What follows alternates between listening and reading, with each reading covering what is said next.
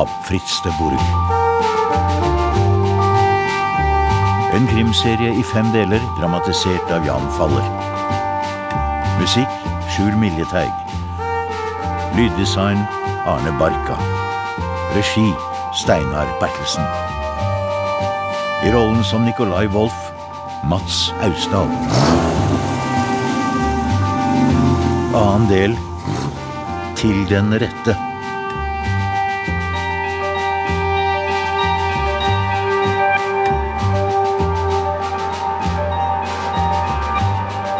Jeg hadde kjørt omtrent én kilometer da jeg la merke til motorsykkelen som lå et stykke bak. Den var stor, kunne ligne en Harley Davidson. Jeg økte hastigheten mens jeg stadig sjekka bakspeilet. Motorsykkelen holdt samme avstand. Jeg tråkka gasspedalen ned og kjørte så fort jeg torde på den krokete veien. Han la sykkelen ned i svingene og hang på. Da jeg kom til Lirbyen, stoppa jeg ved en bensinstasjon og speida oppover veien. Han var ikke der. Kanskje hadde han svingt inn i en sidegate for å vente. Kanskje fulgte han ikke etter meg i det hele tatt. Kanskje var jeg paranoid. Mona? Hei, Rune. Jeg jobber. Har et magasin som skal ut. Hei. Hei. Har du funnet ut noe om bombemannen? Han heter Elias Carlsen. Hvordan fant du ut det? Klokka han kasta. Fornavnet sto der. Har du fått tak i den? På Riske? Nei, i vannet. Men er ikke det Så vidt jeg kunne se, så er det ikke noe forbud mot å bade der. Vil du ha en sak om dette, eller ikke? Jeg vil absolutt ha en sak om Elias Carlsen. Var det det? Ja. Han var tater. Jeg har snakka med dattera hans. Omstreifere. Jeg håper du ikke har hest. Hva er det med saken å gjøre? Omstreifere har ikke lov til å ha hest. Det står i dyrevelferdsloven. Hvorfor ikke? Det må du spørre Stortinget om. Men det kan jo være at det egentlig handler om noe annet enn dyrevelferd. Dagbladet var veldig opptatt av taterplagen for noen år siden, da loven ble vedtatt. Taterplagen? Ja. Herregud, han var snekker. Dattera hans er forsvunnet, og politiet bryr seg ikke. Det var derfor han tok livet sitt. Har du funnet noen av de som fikk brevet? Ja, litt. Skal vi se. Jeg har forsøkt å gruppere navnene. Fire fra pressen, med deg. Myndighetene er representert ved Tranby kirke, politiet i Drammen og to lokalpolitikere. Videre har vi diverse samfunnstopper. En strafferettsadvokat, en laboratoriesjef i legemiddelfirmaet Farmex, en disponent, en psykiater og en lokal leder for organisasjonen Norsk misjon blant hjemløse. Hvor mange blir det? 13. De to siste har jeg ikke klart å plassere. Else Nystuen, for eksempel. Jeg, jeg har funnet en adresse, men jeg, jeg veit ikke hva hun gjør, eller hvem hun er. Men den siste er vel egentlig den underligste. En postboksadresse registrert på en Samuel Jacobsen. Hvorfor er det så underlig? Alle de andre hadde muligheten til å være tilskuer til det som skulle skje klokka tolv. Ja. Men for han med postboksen var jo det mer tvilsomt. ja. Hm. Takk skal du ha. Fortsetter du å grave dette? Ja, Dattera vil gjerne det, men jeg veit ikke helt. I første omgang så drar jeg hjem og skriver ut det jeg har.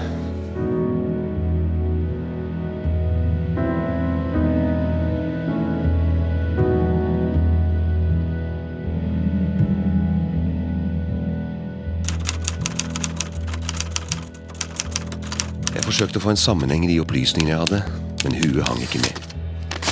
Jeg var utslitt etter dykkinga.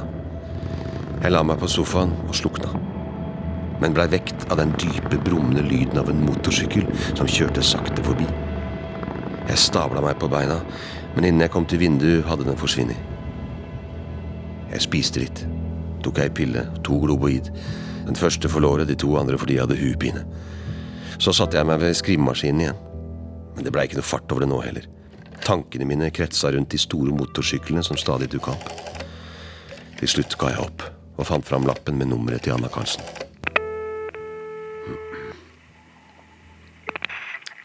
Hallo? Hallo? Mitt navn er Nicolai Wolff. Er Anna der? Hun er ikke hjemme. Hvem er de? Jeg er journalist og har prata med deres datter tidligere i dag. Veit De hvor hun er? Nei, Når kommer du hjem? veit ikke. De veit ikke. Kanskje i morgen. Kanskje om ei uke. Jeg syntes hun hørtes engstelig ut, og tenkte at det var det antagelig en grunn til.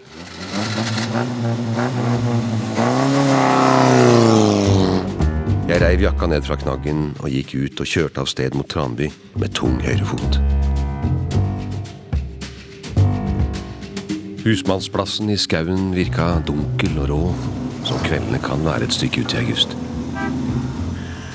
Jeg stoppa på tunet og ga et kort støt til bilhornet. Det skremte et par kråker, men utløste ellers ingen reaksjon. Vinduene var mørke, men døra var ikke låst. Det var et dårlig tegn. Det var ikke rydda i stua. Midt på gulvet lå et feiebrett. Rundt var det masse glasskår, som om brettet var sluppet i gulvet og glasskåra kastet utover. Plutselig fanga en bevegelse oppmerksomheten min. En mann kom ut fra soverommet. En annen fulgte han. Begge var store, og begge hadde svarte skinnjakker. Ja, skal vi ta den her inne? Er for trangt. For mye armer og bein. Vi tar dem ut. Nei, din kladd. Vi skal ut. De spredte seg, én på hver side av meg. Jeg sto med ryggen mot veggen og hadde ingen steder å gå. Ut! Vi har tenkt å byre opp til dans. Jeg gikk mot døra. Planen, i den grad jeg hadde noen, var å starte på dørstokken og spurte mot den åpne bilen. Jeg var så vidt ferdig med å tenke tanken da jeg fikk et kraftig spark i korsryggen. Jeg svevde ut av døra, landa på magen og sklei bortover gresset. Det gjorde jævlig vondt. Unnskyld, jeg tror du mista sigaretta dine. Har du noe mot om jeg tar en? Hva er det dere er ute etter? Vi kan sikkert bli enige. Jeg har flere sigaretter i bilen. Å jaså, jeg er en moromann. Vi får se hvor moro du syns det her blir. Jeg vrei meg i gresset. For dem så det ut som panikk, for meg var det plan B. Han løfta høyre fot for å kline til. All tyngden lå nå på det venstre kneet hans. Du kan se på vår som et slags postbud, og vi har en beskjed til deg. Jeg lot foten min jage fram samtidig som jeg kasta kroppen bakover. Jeg traff kneleddet fra sida, og kneet folda seg feil vei, mens leddbånd og brusk og muskelfester revna og brast. Han ramla som en melsekk og stirra vantro på det rare beinet. Han andre kom mot meg som en rasende okse og langa ut et spark etter huet mitt. Faen er det du gjør?! Jeg kasta meg til side. Støveltuppen sneia skuldra og holdt på å rive av meg øret. Det neste sparket traff meg i sida. Det kjentes som om det knakk et ribbein eller to. Jeg prøvde å reise meg, men han kasta seg over meg og tok strupetak. Tomlene forsøkte å knuse strupehodet mitt. Jeg famla og fant et øye og trykka tommelen inn.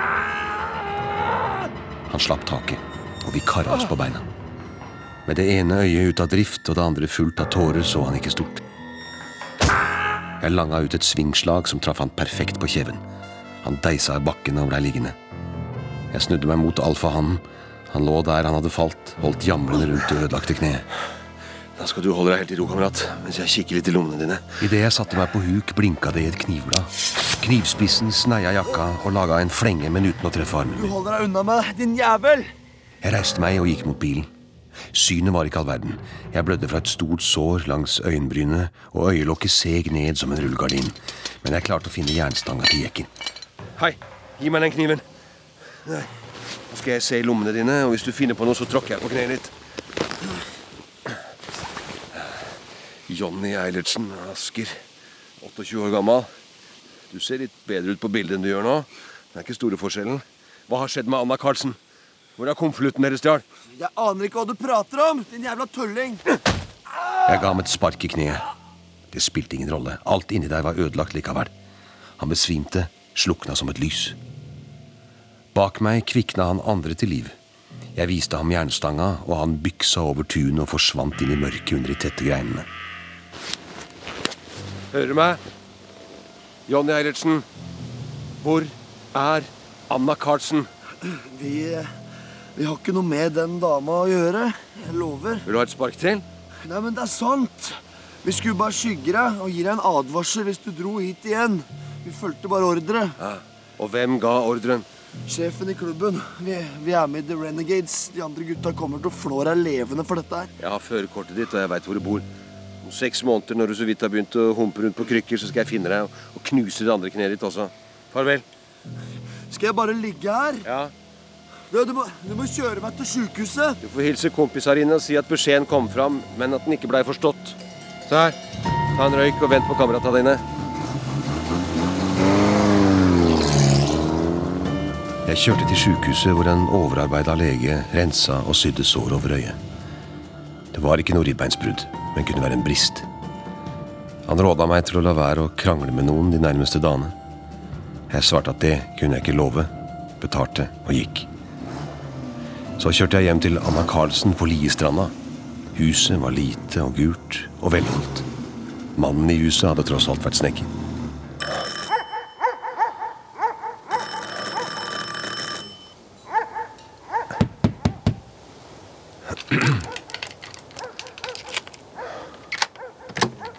Hei.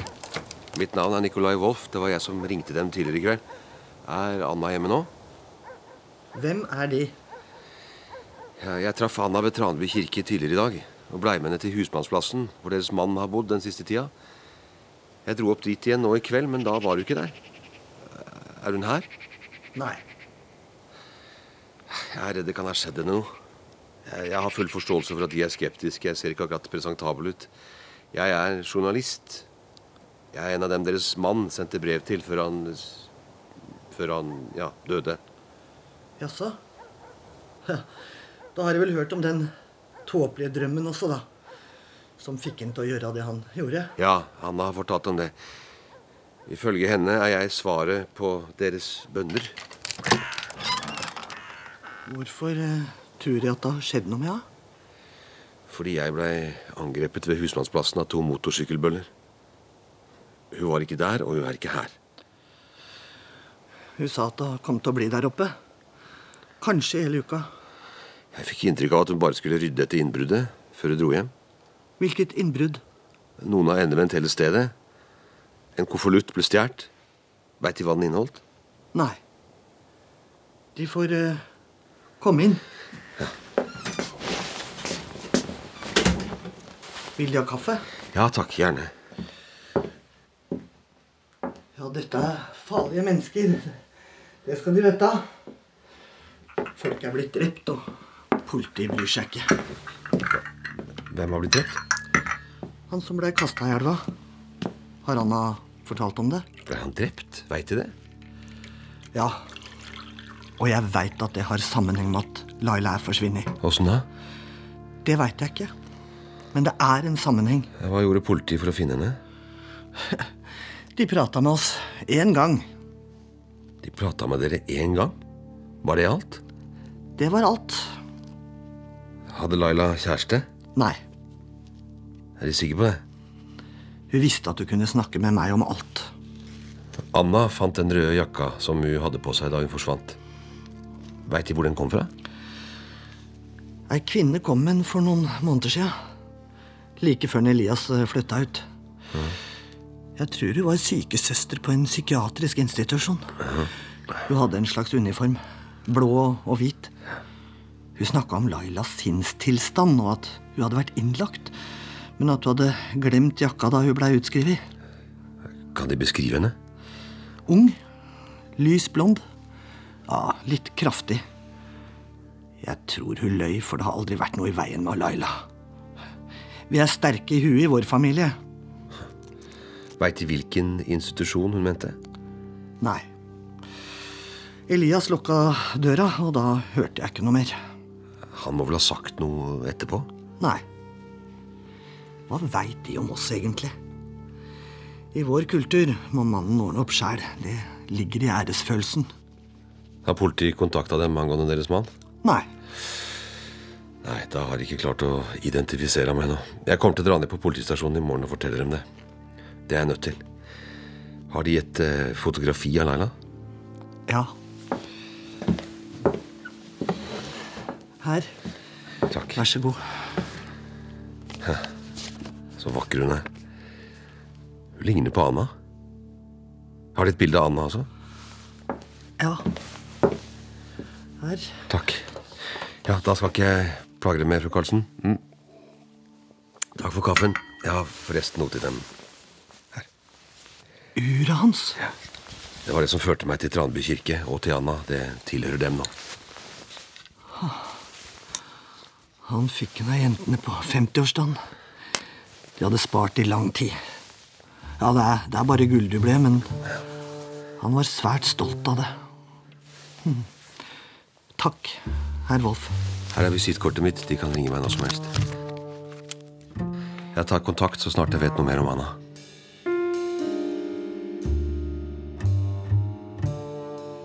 Klokka nærma seg midnatt da jeg kom hjem.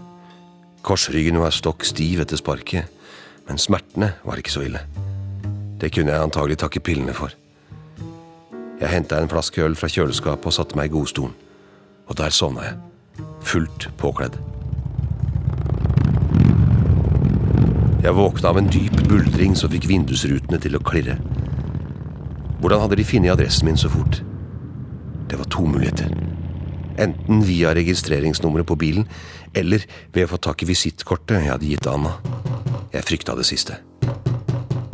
Jeg blei vekt for andre gang av at det banka på døra. Et øyeblikk, jeg kommer! Ryggen verka infernalsk, og jeg måtte tvinge meg opp av sofaen. Ja, ja, ja, ja. Jeg gikk inn på soverommet og henta pistolen fra nattbordskuffen. Et nydelig våpen, en tysk Walter PP, fornikla og med perlemorskjefte. Jeg sjekka magasinet og la den på salongbordet. Med pistolen innafor rekkevidde følte jeg meg bedre. Er alt i orden? Det var en nabo som bodde et par hus lenger opp i veien. Vi hadde et avmålt naboskap, men var på nikk og hils. Mer eller mindre. Hvordan er det? Har du sett døra di? Nei, hva er det med den? Noen som har malt på den. Hva da? Du får nesten se sjøl. Achtung Joden. Trodde ikke det spøkelset der ville stå opp igjen så fort. Har du vært i slåsskamp? Hva? Nei da. Nei da, det var en liten ulykke. Jeg ramla. Nei, jeg, jeg ville bare si ifra. Takk skal du ha. Jeg skal få det bort. Jeg gikk inn og fikk meg litt frokost og et par piller. Før jeg dro ut og kjøpte fem liter whitesprit. Jeg fikk vaska det bort, men den hvite døra hadde fått et svakt rosa skjær. Min mormor var jøde. Spørsmålet er hvem som fremdeles sitter og ruger på sånn informasjon elleve år etter krigen. Og ikke minst, hvordan hadde en gjeng søppelhuer på motorsykkel fått tilgang til slektstreet mitt?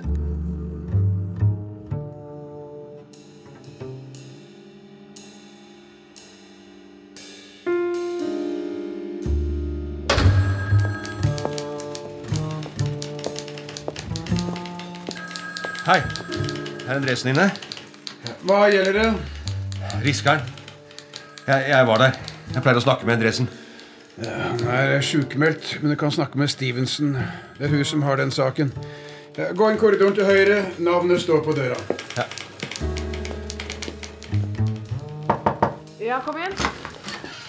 Hei, Nikolai Wolf. Jeg skulle snakka med Endresen, men blei sendt til dem. Hun var rundt 30, slank, med kort, lyst hår. Hun hadde de klareste blå øya jeg noen gang hadde sett. Hei, Ulla Stevenson. Hva gjelder det? Riskeren. Jeg var der, jeg veit hvem han var. De vet hvem som sprengte seg i luften? Ja. Hva er det som har skjedd med øyet deres? Nei, jeg falt. De falt. Ja vel. Vær så god, sitt ned. Er det i orden at jeg tar opp samtalen? Hvorfor det? Dette er ikke noe avhør. Spiller det noen rolle for dem? Gjør vel ikke det. Nei. Onsdag 29. august 1956 klokken 13.45. Ulla Stevenson i samtale med vitne Nikolai Wolff om hendelsen på Riskaren klokken 12.00 mandag 27. august. De hevder at de var til stede ved Riskaren på nevnte tidspunkt. Ja, det stemmer. Og de fikk et brev som angivelig ble sendt av mannen som tok livet av seg. Ja, det blei levert til Krimmagasinet, som jeg er tilknytta. De er journalist for dette bladet. Jeg er frilansskribent. Vet du hvem som tok livet av seg på Riskaren på nevnte dato? Han heter Elias Karlsen. Hvordan vet de det? Fordi jeg fant lommeuret hans som han kasta i vannet. Den delen av Riskaren er sperret av. Det er ulovlig å ferdes der, herr Wolff, for ikke å snakke om fjerne gjenstander. Jeg dykka. Med mindre det er dykkeforbud rundt øya, så var jeg i min fulle rett. Ja, det er vel ikke noe dykkeforbud akkurat, men likevel. Ja, nei, vi, vi dropper det foreløpig. Endresen har faktisk nevnt dem for meg. Han sa at de har deres lyse øyeblikk, men at de er en anarkist som sliter med å følge samfunnets spilleregler. Ja, jeg har mine tanker om han også. Har de lommeuret med dem? Nei, det ga jeg til kona hans, fru Karlsen. De har altså snakket med avdødes kone. Du, Si meg en ting, Hervold. Hvorfor har de trampet rundt i vår etterforskning på denne måten? Det var jeg ikke klar over. Hvor langt har dere kommet i etterforskninga? Vi har hentet opp levninger av avdøde, og avtrykk av tannstillingen er sendt til tannlegen i distriktet. Ja, så fint. Men avdøde heter altså Elias Carlsen. Kona hans og dattera mener selvmordet henger sammen med at hans andre datter, Laila, forsvant for tre år siden. Ja, Vi skal ta en prat med dem. Fint, men ta det pent med fru Karlsen. Jeg tror hun er litt redd for politi. Hvorfor det? Hun er tater.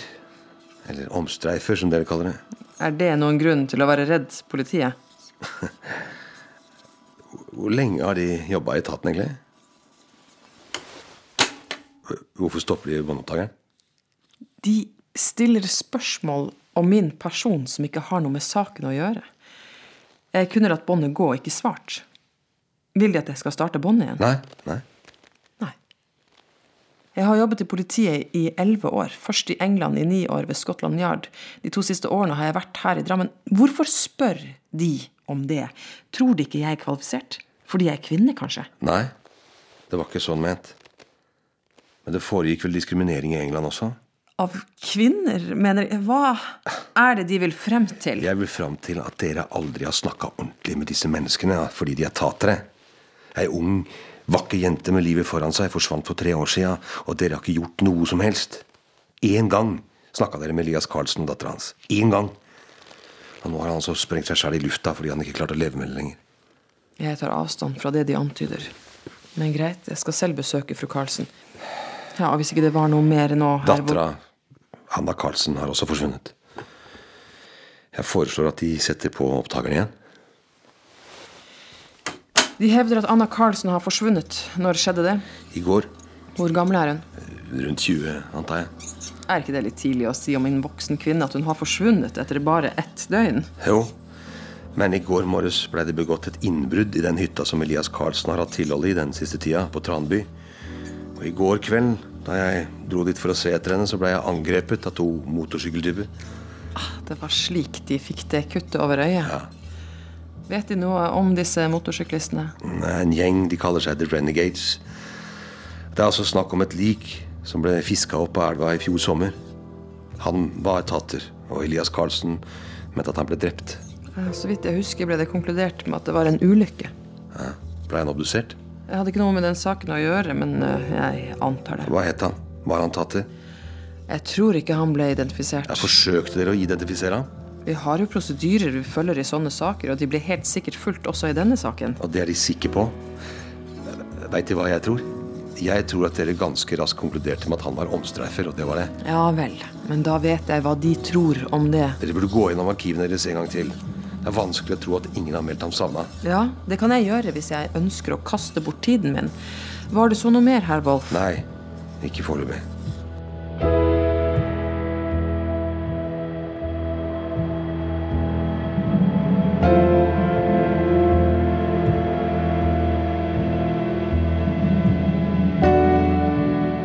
I bilen tenkte jeg på hva jeg kunne ta tak i. Om det var et spor å følge. Ifølge fru Carlsen var kvinnen som kom med Lailas jakke, sykepleier ved en psykiatrisk institusjon. Hvis det stemte, kunne det være Lier sykehus. Jeg var kommet et godt stykke ut langs Lierstranda da jeg ble oppmerksom på motorsykkelen som lå bak meg. Han fulgte på, forbi Lierbyen og da jeg svingte til høyre opp mot Lier psykiatriske sykehus, men med større avstand. Etter siste sving før sykehuset så jeg ham ikke mer.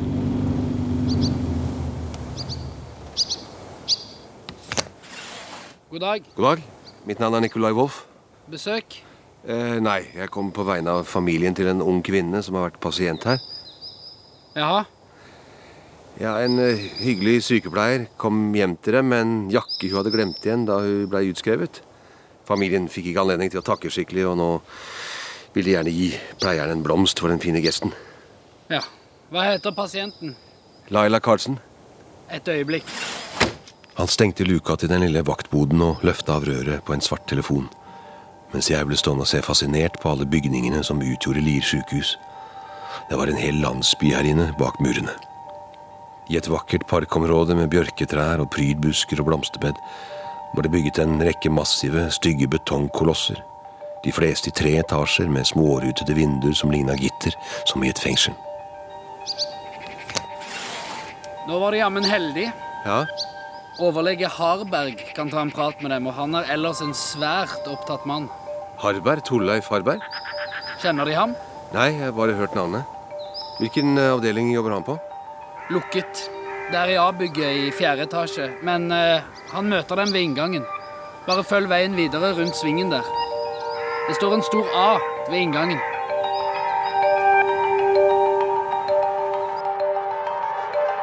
I det samme jeg kom inn i den halvmørke inngangshallen, hørte jeg kjappe fottrinn i trappa. Harberg var en slank og lettbeint mann omtrent midt i livet, eller litt seinere. God dag, Torleif Harberg. Nikolai Wolff?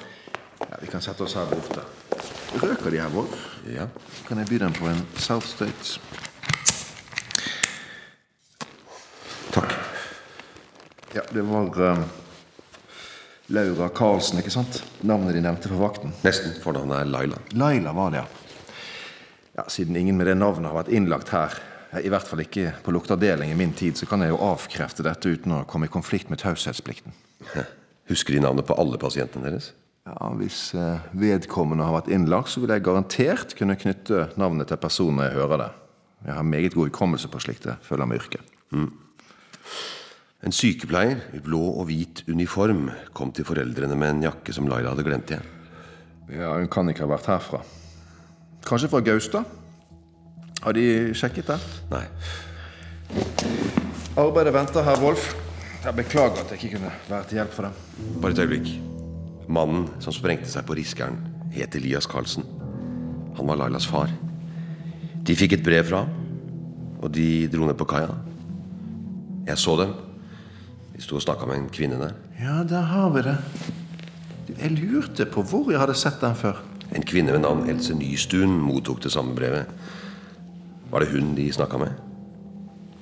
Jobber hun her? Ja, det var nok Else Nystuen, ja. Kan jeg få snakke med henne? Eh, Hun er ikke på jobb. Hør, herr Wolf. Jeg aner ikke hvorfor jeg mottok det brevet. Jeg dro ned på kaien fordi jeg fryktet at det kunne være en av mine tidligere pasienter. I så fall så kunne jeg kanskje ha avverget det. Men disse personene de nevner, er totalt ukjente for meg. Jeg kan med hånden på hjertet si at ingen av dem er eller har vært mine pasienter. Var det Else Nystuen som leverte jakka til eh, Elias Karlsen? Det spørsmålet har jeg allerede besvart. Vi har aldri hatt noen pasient her ved navn Laila Karlsen. Nå må jeg gå. Takk for samtalen. herr Wolf.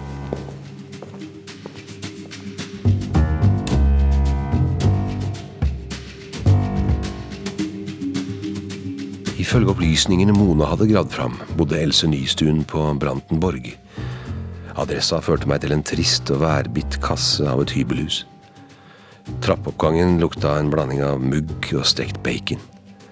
Fra en ledning i taket hang en naken lyspære som lyste ubarmhjertig på malingsslitte trappetrinn.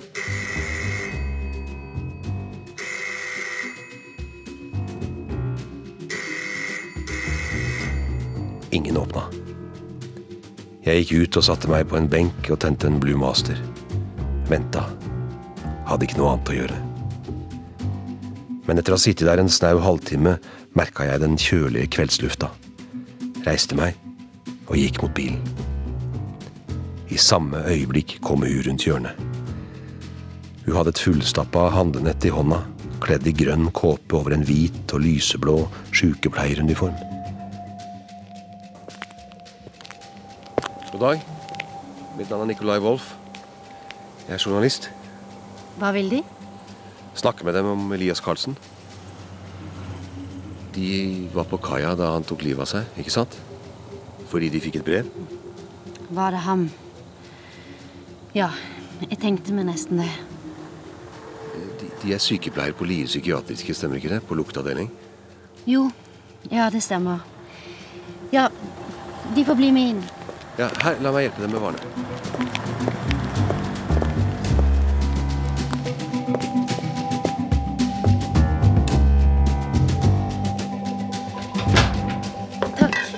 Sett deg der borte, du. Hva er det som har skjedd med øyet deres? Eh, kan vi ikke si du til hverandre? Jeg foretrekker det hvis det er i orden for deg. Hm. Er du alltid så direkte, herr Wolf? Er du frøken Nystuen? Hva mener du med det? Du slipper en fremmed mann inn på hybelen din med blåveis.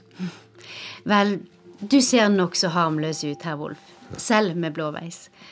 Jeg er vant til å takle atskillig verre typer enn det. Det var du som kom med Lailas jakke til foreldrene hennes, var det ikke? Jeg har taushetsplikt. Hvorfor ba du meg inn hvis ikke du tenkte å svare? Hvis naboene hører at jeg prater med journalister om hva som foregår på sykehuset, så kan jeg miste jobben. Dette handler om mer enn Elias Carlsens selvmord. To unge taterjenter er forsvunnet. Antagelig kidnappa. Laila er en av dem. Jeg fant jakken, og jeg leverte den til foreldrene. Laila forsvant for tre år siden. Hun ble ettersøkt av politiet, og faren lette utrettelig etter henne. Det jeg ikke forstår, er hvordan hun kan ha vært innlagt på Lier sykehus uten at noen visste om det.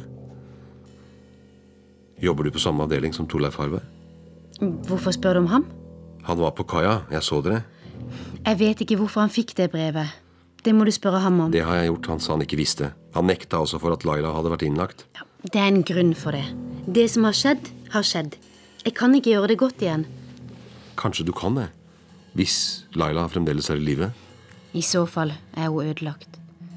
Hva mener du ødelagt? Åssen da? Hun kunne ikke kommunisere. Var, var helt innestengt i seg selv, men likevel svært urolig. Hun lå i reimer mye av tiden.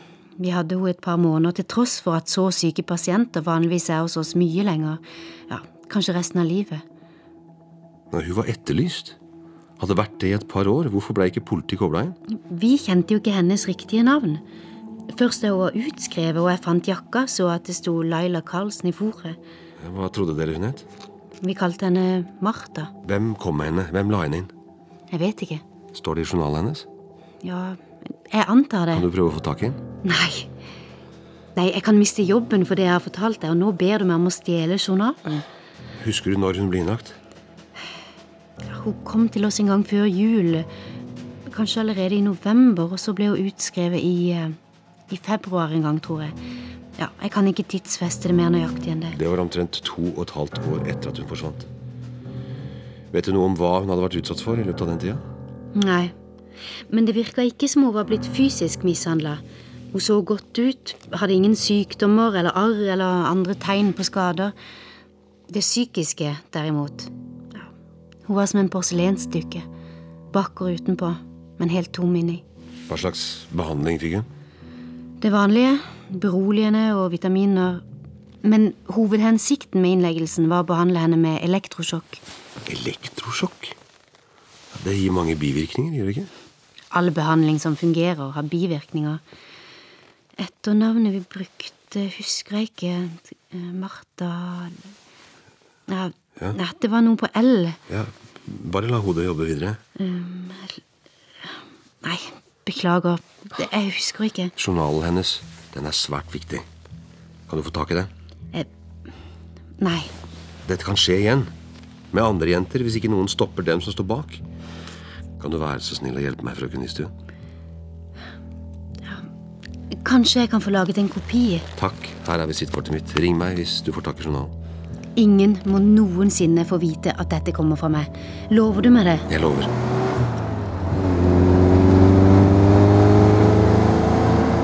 Jeg dro hjem. Det var for seint for lunsj og for tidlig for middag. Så jeg henta en flaske øl i kjøleskapet og satte meg ved skrivemaskinen. Men jeg kom ikke ordentlig i gang. I mangel av noe bedre å gjøre ringte jeg Ulla Stevenson.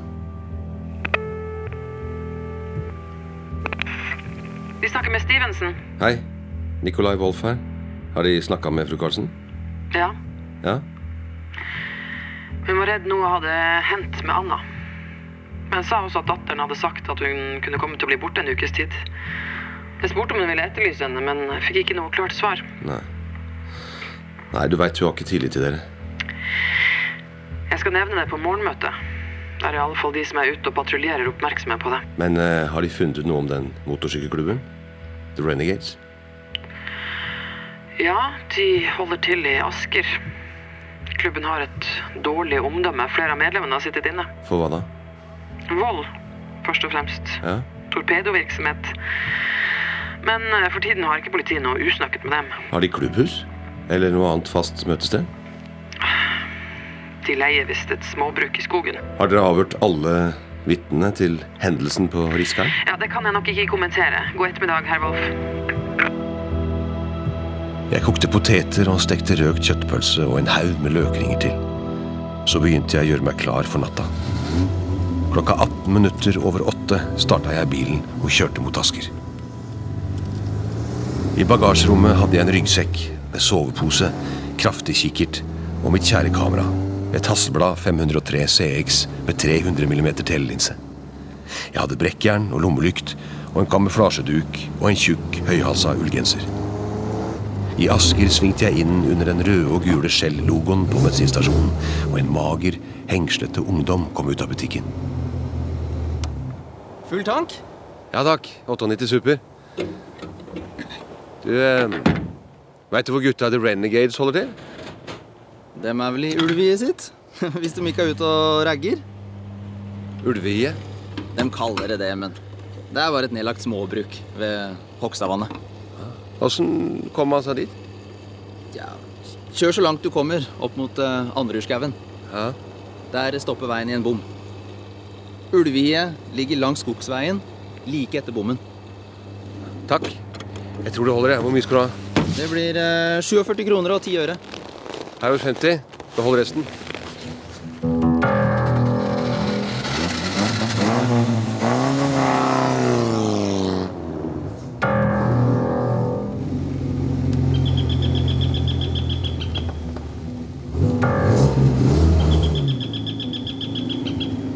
Jeg parkerte i en liten stikkvei og gikk gjennom skauen til jeg skimta gavlen på en låve over tretoppene. Jeg klatra opp på en lav fjellrygg som gikk parallelt med veien, og stoppa da jeg befant meg rett over gården. Et dusintall motorsykler sto rundt på tunet. Jeg slo meg ned bak en mosegrodd kampestein hvor jeg hadde godt overblikk. Jeg gravde fram to piller fra jakkelomma, krøyp ned i soveposen og dro over meg kamuflasjedukken.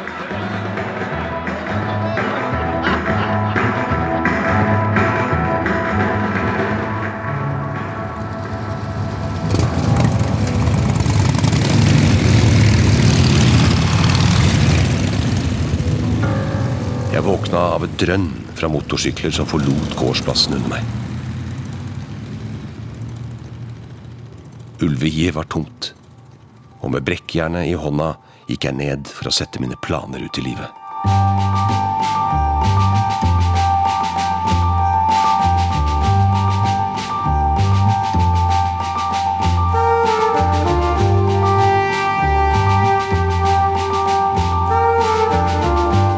Vi har sendt andre del av Dødens elv, en krimserie i fem deler av Fritz de Burg, dramatisert av Jan Faller. Nicolai Wolf ble spilt av Mats Austdal. Ulla Stevenson, Maria Bock.